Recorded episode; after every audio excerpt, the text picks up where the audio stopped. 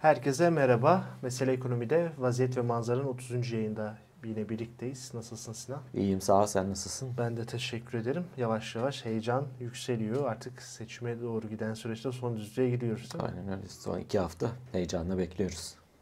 Nasıl başlayalım? Dolarla başlayalım istersen. Dolardaki baskı devam ediyor. Bu baskı ne kadar sürdürülebilir? Bu ayrı bir boyut. Diğer taraftan rezervlere baktığımızda oradaki erime de devam ediyor. Neler yaşanıyor? Ne görüyorsun? Ne kadar sürdürülebilir bu? Şimdi geçen hafta bu programı çekmiş olmasaydık, daha doğrusu bu konuyu konuşmasaydık tam espri yapacaktım. Ondan vazgeçtim. Çünkü ne doları ki ya bir şey yok dolar işte 19.40'da 19.42 oldu. Hiçbir sorun yok. İki kuruş için yayın yapmaya değmez. Ama öyle değil. Öyle değil. Ee, geçtiğimiz hafta bu bahsettiğimiz gibi e, bankalar arası piyasa daki yaklaşık işte 19.30'lardaki kur 19.40'a kadar çıkmıştı. Oradan yeterince işlem geçemiyor. Ona yakın fiyatlardan özel sektör yani şirketler ve bireyler alamıyorlardı. Bir döviz tayınlaması söz konusuydu. Yani az miktar döviz belli kişilere duruma bağlı olarak paylaştırılıyordu. Bankalara da böyle limit verilmişti. Toplamda da belli ki bir limit belirlenmiş. Fakat buna rağmen e, yarı panik ortamında tam panik demeyelim ama kesinlikle sükunette denemez. Yarı panik ortamında bir anda büyük bir e, dövize talep gerçekleşti ve e, öyle tahmin ediyorum ki geçtiğimiz haftanın kısa iş gününde, 4 iş gününde e, 3 ila 4 milyar dolar kadar bir parayı bu şekilde yaktı Merkez Bankası. Halbuki kur korumalı mevduata da giriş var. Buna rağmen, oradan gelene rağmen yine e, ihracatçı dövizlerin belli kısmını zorla satıyor. Buna rağmen reeskont kredileri var. Buna rağmen bildiğimiz kadarıyla daha Boeing'si açıklanmadı Nisan ikisi ama BOTAŞ hazineden dövizde almıyor. Merkez Bankası'ndan dövizde almıyor düzelteyim. Dolayısıyla e, ilk bakışta çok da sorun yok gibi görülebilecekken öncesinde geçtiğimiz haftaki tespitte başlamıştı. Bu hafta biraz daha kötüleşti. Geçtiğimiz hafta reel sektör 19.60 ile 20 arasındaki yerlerden kur alabilirken bu hafta hızlıca 20'ye geldi ve 20-40, 20-50 gibi yerlere doğru gitti. Sizin e, telefonlarınızdaki bankalardan e, mesai saatlerinde ve mümkünse öğle saatlerine doğru bakarsanız e, 20-50'nin altından almanız mümkün değil. Hatta 20-70'te gayet normal bir yere geldi. E, döviz büfelerinin Anadolu'ya yayılmış olanlarını yani çok bunların olmadığı veya işte kuyumculara muhtaç olduğunuz yerlerde e, daha da fazla olabilir küçük yerlerde. E, dolayısıyla yani artık dolar kuru bir şekilde 20 liranın üstüne fiili olarak konmuş durumda. Tabi sadece öyle değil. Başka e, durumlar da var. Ticari yani finans finans için değil. Ticaretin de bir parçası olduğu için var. Ve bu esnada insanlar da fiyatlamaları yaparken buna göre yapıyorlar. Yani şu anda ithal olan bir malı siz 19.40'dan fiyatlayıp alamazsınız. 20'den de alamazsınız, 20-40'tan da alamazsınız. Yavaş yavaş bunlar 21-22 liraya doğru gidiyor ki 23-24 lira yapan yerler de var. Hadi belki onlar abartılır, belki vadeli satıştır yani bugünü değil de 2-3 ay sonra ödemeli olduğu için o da gayet mantıklı olabilir. Ama çoklu fiyatlama gerçekleşiyor. Şimdi bunu dengelemek için Merkez Bankası'nın döviz satması lazım ama toplam rezervler, brüt rezervler altın dahil 120 milyar doların altında. Burayı çok zorlamıyoruz. Net rezervler ee, öyle tahmin ediyorum ki daha açıklanmadı. Bu hafta Perşembe açıklanacak resmi veri ama geçtiğimiz haftanın sonunda e, şeyin e, 10 milyar doların altına geldi. Bundan swapları da düşünce eksi 49-50 milyar dolar gibi bir yerde olacağız. Swapları özellikle haftada bir açıklıyorlar. Diğerlerini günlük analitik bilançodan da kısmen görüyoruz. Ee, bir de hazinenin kendi dövizleri var. Onu da düşünce toplam eksi 65-66 milyar dolar gibi bir yerde kalacağız. Ama o geçtiğimiz Perşembe Cuma'nın kapanışının açıklanması. Bu Cuma'nın kapanışı yani 28 Nisan kapanışlı e, tarihin işte onun da 4 Mayıs'ta açıklanacak hı hı. verisi. O zaman eksi 68, 69, eksi 70 milyar doları görebiliriz. Bu rakamlar arasında ne fark var diyeceksiniz değil mi? Yani 1 milyar dolar tabii ki büyük para ama yani zaten ha eksi 65 ha eksi 69 diyeceksiniz. Şöyle e, tüm zamanların dibi olacak. Yani daha önce e, pandemi esnasında veya e, bu büyük bir kur şoku yaşadığımızda 2021'in sonunda NAS diyerek, NAS krizi diyelim. Orada olandan daha fazla bir yere ilk defa inmiş olacak. İşte bu şöyle. E, bir gol atmışsınız tesadüfen. E, kar, maçı öyle kapatmaya çalışıyorsunuz. 11 kişi savunma yapıyorsunuz. Kendi yarı sahanız değil artık son 5 dakikada ceza sahanıza çekilmişsiniz. Ama rakip de Real Madrid. Bir, sanıyorum Beşiktaş'ın öyle bir maçı vardı. E, gol yemekten kurtuluyordu. Kaç oyuncuya çarpıyordu. Top bir türlü girmiyor da girmiyor. Ona benzer etten duvar örmeye çalışıyor şu anda Merkez Bankası ama e, işte hafif hafif kaçıyor Et kaldı mı yerlerden. peki?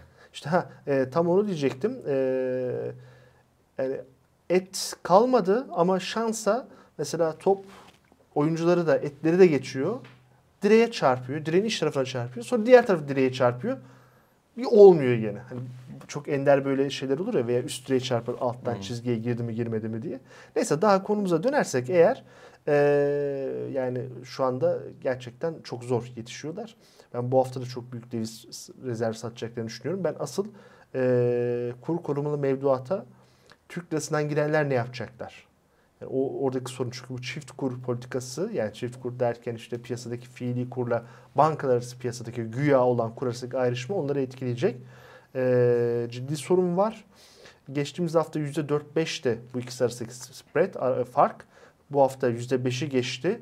Ee, ben bu haftanın e, sonu gelmeden e, %6'yı da geçeceğini düşünüyorum. Ve bu bir anda artabilir. Yani sonraki bir hafta %10-15 de görebiliriz ki önceki yayında da söylemiştim. Ee, seçime kadar eğer farklı bir e, şapkadan çal- e, tavşan çıkarmazlarsa eğer %10 ile 20 gibi akıl almaz bir yere gidebiliriz. Yani tabelayı da 19.90'ı görüp esasında bu iş 22 lira, 23 lira, 24 lira da olabilir. Ee, hala imkanlar dahilinde. Seçime 18 gün kalmış durumda. Kemal Kılıçdaroğlu'nun 300 milyar dolarlık temiz para söylemi var. Şimdi bu söylemi çok tartışıldı, siyaseten de çok tartışılıyor. İzleyicilerimize sorduk. İzleyicilerimize dedik ki Kemal Kılıçdaroğlu'nun 300 milyar dolarlık temiz para söylemi için ne düşünüyorsunuz?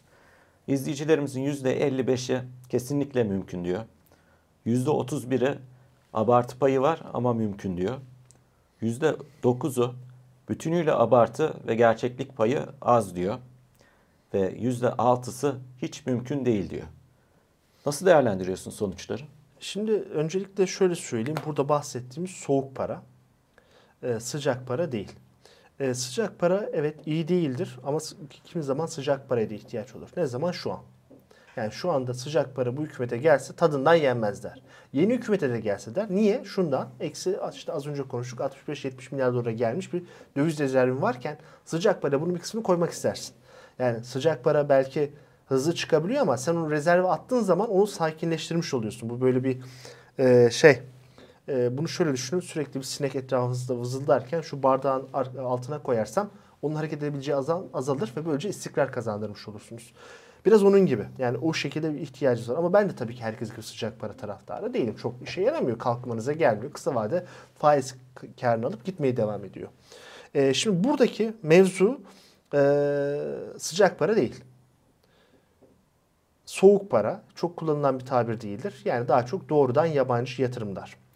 Ee, bunları da birkaç gruba ayırmak lazım. AKP döneminde görece geldi ama gelenlerin önemli bir kısmı e, mevcut Türkiye'deki ticari işletmeleri, üretim üslerini, dağıtım üslerini satın almak oldu. Bunların üstüne yatırım yapanlar da oldu, yapmayanlar da oldu. Bunları iyice zayıflatanlar da oldu. Mesela petrol ofisi e, pazar payı yıllar itibariyle çok düştü. Opet'in de büyüdü. Gerçi Opet özelleştirmedi. Mesela Tüpraş'ın şeyi arttı. Yeni RUP projesi eklendi. Veya Petkim gitti Star rafinerisi kurdu. Yani farklı şekillerde gelişen durumlar oldu.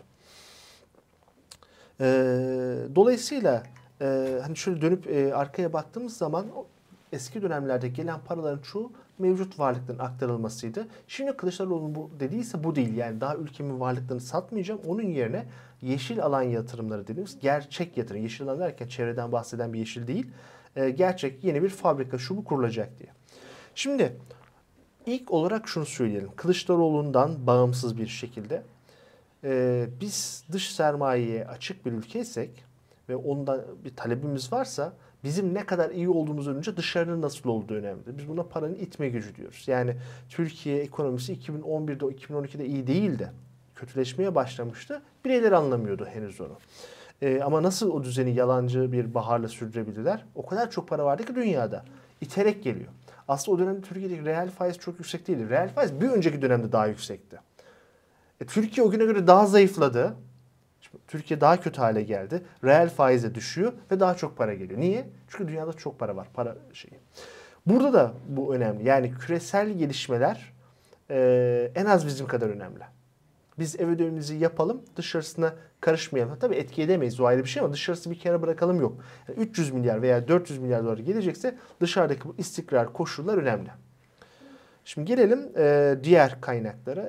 E, ESG dediğimiz bir şey var. İşte çevre, sosyal e, sorumluluk gibi alanlarda, kurumsal yönetim gibi alanlarda artık e, daha hassas olan fonlar var. Buna göre verilen e, kaynaklar var.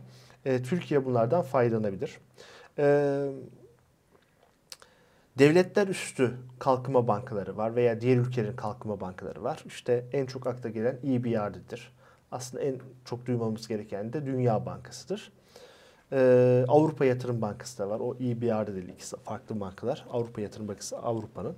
Daha küçük olmakla birlikte işte bizim Karadeniz Ekonomik İş e, Birliği'nin teşkilatını bile var şeyde. Selanik merkezli.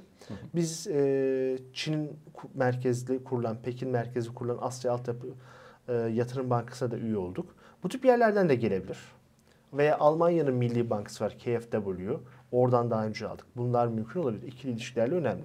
Ama buraları dikkatli kullanmak lazım. E, çünkü ikili ilişkilere de bağlı alıyorsanız e, bu tabii ki bir e, siyasi tarafı olacaktır. Emir, bo, e, şey borç alan emir alır haline dönebilir. Mesela bizim bu swaplar o yüzden çok büyük mesele. Çünkü kimle yapıyorsunuz? Katar'la. E niye yapıyorsun? Bakıyorsun Katar şeyhi sana bir uçak vermiş. Peki niye almış karşında? Yani bir sürü başka şeyler. Yani dolayısıyla bu tip ikili ilişkilere girmeden ortak çıkar olması kaydıyla olması lazım. Bunun dışında yeşil dönüşüm finansmanı çok ön planda yani bu ESG dışında o faydalanabilecek alanlar. Ee, bir de tabii ki Türkiye'de birikmiş bir potansiyel var. Türkiye'nin iç pazarı da küçük değil. 85 milyonluk ülke. Sığınmacılarla, turistiyle daha da fazla, öğrencilerle, şunda bunda. Ee, ondan da faydalanmak isteyecekler olacaktır. Yani bu, bu nedenle e, Türkiye kendi istikrarını seçimden sonra sağlayabilirse e, bu işler mümkün. E, ama e, daha onu göremiyorlar. E, seçimden sonra ben sıcak paranın geleceğini düşünüyorum. Çok büyük bir şok yaşamazsak.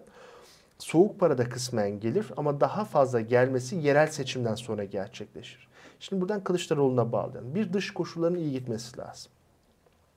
Bu olursa gayet mümkün. İki, ev ödevlerinizi yapmanız lazım. Ev ödevleriniz dediğinizde sadece böyle küresel sermayeyi memnun edecek işler değil. İşte uluslararası tahkimi kabul etmek gibi. Veya e, sadece içeride bizi etkileyen işte demokrasi şu bu. Ya en çok bizi etkiliyor. Dışarıdakileri o kadar bağlayan bir şey değil bu. Bunlar da değil. Ama suç unsuru olursa mesele olur. Mesela Borsa İstanbul başına Hakan Atilla gelince ben iyi bir yerde kaçtı mesela. Onlar da çok rahatsızlar. Ee, bunun dışında e, bizim makroekonomik istikrarı sağlamamız lazım. Ee, bir de bu proje, bunların çoğu proje finansmanı. Doğru projeleri koyacaksınız. Yani tekrardan kurulacak bir DPT ile doğru proje, çabuk dönen para, kazan kazan, e, diğer ülkelerin de çıkarını olan şeyler olursa olur. Yani mesela önümüzdeki süreçte eğer Batı Rusya'nın daha zayıflatmak istiyorsa e, Rusya'dan en çok e, doğalgaz, e, petrol gibi ürünleri alan ülkeler arasında Çin ve Hindistan'la birlikte Türkiye'de var. Çin ile Hindistan batının daha dışında. Hani Hindistan gibi de Çin tamamen dışında. E, Türkiye o zaman biz size başka imkanlar verelim. Size elektrik enerjinizi doğalgaz üzerinden çok fazla e, yaratmayın, üretmeyin. E, sizin e, rüzgar enerjisi, güneş enerjisi panelleriniz için biz destekler verelim, hibeler verelim, yatırımlar yapalım. Olabilir bunlar. Bu örnek ya. Hatta bunu hazırlamamıştım. Tam şu anda konuşurken aklıma geldiği gibi anlattım. Tabii burada da yine dediğim gibi siyasi çıkarlara dikkat etmek lazım yani. E, ama şu da unutulmasın her zaman için e, dış politikayla dış ticaret, dış yatırımlar birbirinden bağımsız değildir. İyisi de değildir, kötüsü de değildir. Özetle bu olabilir. E, ama e, bir gecede olmaz. 5 yıl içerisinde ancak olabilir. Onun için uygun koşulları yaratmanız lazım. Ev ödevlerinizi yapmanız lazım. İçeride çok iyi bir ekonomik kadrosu kurmanız lazım. Yani karşıdakiler sizin bir maceraya değil, hakikaten bir devlet kurumsallığı ciddiyetini görecekler. Bir de dediğim gibi kurumsal e, sizin yetkinliklerinizin getirdiği bahtla dünyada da daha şanslı bir dönem olacak. e, para bolluğu olacak. Para bolluğu olmasa bile en azından bu yeşil dönüşüm gibi birçok şeyin finansmanı popüler hale gelecek. Daha çok Davos gibi zirvelerde konuşulacak. Daha çok böyle Financial Times'lara, ekonomistlere çıkacak. E, bankalar buna zorlanacak. Toplumlar, sivil toplumlar bunları zorlayacak. Bizim gibi ülkeler bu işlerde geriden geldi. Onlar yapılacak, ilerleyecek. Bunlar denen de, deneniyor. Ve şu ana kadar iyi gitmedi bu arada dünyada. Bizden bağımsız. Mesela Endonezya, ve e, Güney Afrika Cumhuriyeti'nin kömürü olan bağlılıklarını, diğer buna benzer yakıtları dengelemek için farklı finansman kaynakları batıdan sağlandı ama yeterli zaman miktarda yeterli zamanda gelmedi. Doğru zamanda gelmedi düzeltiyorum. Ee, öyle olmaması lazım. Tabii o araya pandemi şu bu girdi. Çok daha özel koşullar geçiyor. Şimdi daha istikrarlı bir dönem. Ama mümkün. Ama A senaryom, ana senaryom olur mu? Ben de emin değilim. Ama emin olmama nedenim sadece e, şeye bağlı bir durum değil e, Türkiye'nin kendi iç durumuna değil. Ben dışarıdaki koşulların bozulabileceğini düşünüyorum ama o gölge etmezse e, muhalefetle birlik içerisinde olursa kesinlikle o zaman mümkün. Ha şunu da söyleyeyim. Bu işte e, Londra zaten yani dünyayı genelde üç parçaya ayırıyoruz. İşte bir Amerika bölgesi var, bir Asya bölgesi var, bir de ortasında Avrupa, Orta Doğu, Afrika bölgesi var. Rusya da buraya dahildi. E, bu bölge içerisinde Körfez de buraya dahil. E, daha öne çıkan finans merkezi Londra. Yani İngiltere devletinden bir kaynak sağlandığı için değil, kralın, kraliçenin gönlünü aldığımız için değil. Orada diğer bu ülkelerin de e, finansal e, birimleri olduğu için yani bir Amerikan bankası, Bank of America'nın da Citibank'in de Londra, JP Morgan'ın da Londra üzerinden geldiği için oralarla giriliyor, görüşülüyor. Londra Oralarla... derken ülkeyi kastetmiyoruz. Evet yani. evet yani Londra derken de şehri de kastetmiyoruz. Aslında o bölgeye eskiden The City denirdi. Yani yine öyle deniyor da oradaki şehir anlamına demeyin. Biraz Wall Street gibi bir anlama gelir. Çünkü bir de Canary Wharf diye daha yeni yapılmış 80'ler 90'larda yapılmış bir bölge daha var. Biraz daha doğusunda. Ee, yani özetle söylemeye çalıştığım şu. E, o Londra'nın göbeğindeki para dünyanın birçok yerinden akıyor. Çin veya Amerikan parası da veya Körfez parası da her zaman değil ama genelde oraya bir dokunarak geçiyor. E, buralarla iyi ilişki kurmakta fayda vardır. Bu dediğiniz İngiltere iyi ilişki kurmak değildir. Ha, İngiltere'de iyi kurarsanız başka faydalı olur veya şey, bakarsınız dış politikanızın bir parçası olur. Uymuyorsa da yapmazsınız. E, muhalif ülkeler olursunuz. Ama şunu belirtmeye çalışıyorum. Yani Londra'yı bu anlamda ve Türkiye çok ilgilendirdiği için buradaki yatırımcılarla ilişkiler önemliydi. Bu anlamda Kılıçdaroğlu'nun ziyareti e, bir anlam taşıyordu. Ama tabii ki kimse kimseye garanti bir söz vermez. Gelecekler, bakacaklar kur nerede, faiz nerede, Türkiye'deki yatırımlar kaç yılda karşını çıkarır, iç istikrar sağlar mı, iç talep güçlü mü, e, buradan başka ülkelere ihracat yapabilir miyiz? Burası bölgesel bir üs olur mu? Burada üretip Kafkasya'ya, Orta Doğu'ya, Orta Asya'ya, Kuzey Afrika'ya, Balkanları satar mıyız gibi bir sürü şeyi değerlendirip ondan sonra karar alacaklar. Peki o zaman son olarak güven endeksini sorayım. Geçen hafta tüketici güven endeksi açıklanmıştı. Çok tartışıldı. Ee, olumlu bir seyir var gibi gözüküyordu. Bu hafta reel kesim güven endeksi açıklandı bir önceki aya kıyasla 2.8 puan artmış gözüküyor ve 108 seviyesine gelmiş gözüküyor. Mevsimlikten arındırılmış reel kesim güven endeksine baktığımızda ise bir puan arttığını 105.1 seviyesine geldiğini görüyoruz. Güven endeksindeki bu tablo seçime dair bir işaret sunar mı? Ee, olabilir. Geçmiş dönemde kurulmuş paralellikler var. Güven endeksi en çok e, insanların kriz algısına şekilleniyor. O kriz algısında Türkiye'de bir döviz kuru veriyor. Bir de işte e, batık bankalar veya reel sektörün zorlanması. Bu tip mevzular. Batık krediler diyeyim daha doğrusu. E, şimdi son dönemde e, TÜİK topluyor bu tüketici güven endeksinde. Ciddi bir toparlanma var. Daha önceki yayınlarda bunu söylemiştik. Ben de yakından takip ediyorum. Depreme rağmen son ayda çok ciddi bir yükseliş var. Şaşırtıcı. Alt kalemlere bakıyorsunuz. Çünkü ben güveniyor muyum diye bir soru sorulmuyor size. Bir sürü başka sorular oluşuyor. Ee, yani baktığı zaman e, belli yerlerde ben şunu fark ettim. Toplum yoksulluğu biraz e, kanıksamış. Hatta dibi gördükten sonra işte yapılan zamlar veya farklı ödemeler, sosyal hizmetler, transferler veya size bir umut pazarlanması diyeyim. Ben bunu satın aldım. Ben buna artık alıştım der durumuna gelmiş. Belki de durum dengelendiriyor veya belki iyi günleri hatırlayamayacak kadar paralize oldu. Bilemem. Ama e, son e, tüketici güven endeksi 200 üzerinden 87.5'a çıktı ki 63,4'te dibi görmüştü 8-9 ay evvel. E, yani çok kötü bir veri değil. Haziran 2018 seçimlerinde de 90,6'ymış o seçimleri kazanmıştı. Mart 2019'da 81,3'tü. O seçimde AKP yine çoğunluk oyu almış ama belediyeleri kaybetmişti. Dolayısıyla sadece buraya bakarsak yarış başa baş olur gibi bir durum çıkıyor. Bu doğru bir analiz midir? Değildir. Bunun dışında bir sürü başka faktörler de var. Yani ekonomi dışında iktidarın lehine yarayabilecek veya yaramayacak mevzular da var. Veya bu anketlere doğrudan güvenmeyebilirsiniz. Her ne kadar e, TÜİK'in bu anketi bozması için bir neden yok. Ana kullanılan enflasyon gibi bir işe yarar tarafı yok. Bir de e, Bloomberg'in de yaptığı başka bir anket var. Bloomberg HD'nin. Onda da biraz paralellik içeriyor. Yani kopuk değil. Ama buradan benim ilk gördüğüm şey e, toplumun temel satın alma gücündeki kaybı biraz daha normalleştiğini ama varlıklarda çok büyük sorun var. Yani otomobil alabilme e, hayali diyorum gerçeği değil? Konuttan bahsetmiyorum bile bunlar hiç yok. Durum çok kötü. Buralara biraz odaklanmak gerekebilir. Bunun dışında reel kesim güven endeksi daha taze bir veriydi. Onu Merkez Bankası topluyor. Ee, onda da e, geçen seçimlerdeki notu almıştım. Mesela Haziran 2018'de 102,5'muş. Mart 2019'da 111,3'müş. E, şu anda da e, yani bir to- güçlü toparlanma var. Biraz da bu ucuz kredilerden faydalanma da var. E, ama burada bir ayrımdan emin değilim. Acaba şöyle bir durum mu var? Mevcut durum dışında önümüzdeki 12 aya ilişkin sorular da soruluyor. Ve yurt dışı ile ilgili şeyler de var. Üretim deyince aklımıza ihracat da geliyor. Avrupa biraz daha iyi bir dönem geçirdiği için o anlamda olumlu. Acaba diyorum iktidarın değişeceğini görüp mü reel kesim daha umutlu oluyor? Bilemiyorum yani olmaya da bilir ama bir akıl yürütme yapmaya çalışıyorum. Çünkü sermaye kısıtlamaları çok arttığı için ve birebir kurduğumuz reel kesim iletişimde veya aynı zamanda bu televizyonlarda göründüğünde çok endişelerini görüyoruz. Hem kur seviyesi hem dövize erişim e, birçok konuda o, ve siyasi baskı şudur budur. Herkes her şeyin farkında. E, bu nedenle e, bence burada e, biraz şaşırtıcı buluyorum. E, iktidar yani tüketici güven endeksinde muhalefetin beklediği kadar kötü bir durum yok. E, ama iktidarı da memnun edecek. Daha önce seçimleri kazandığı düzeyde değiller. Reel kesime bakınca da tam tersinde e, görüyorum. Hani düzey iyi ama daha önce o düzeyin iyi olması 2019 seçimlerinde yetmemiş diye görüyorum. E, belki de bu konuda muhalefetin de e, iş dünyasına bir seslenmesi gerekiyor. Neyi niye beklediklerini ve bundan sonra iktidar değişimi ne kadar ihtimal verdiklerini değişince ne olacağına dair Kılıçdaroğlu'nun açıklamış olduğu işte bir üretim üstleri var, şu var, bu var.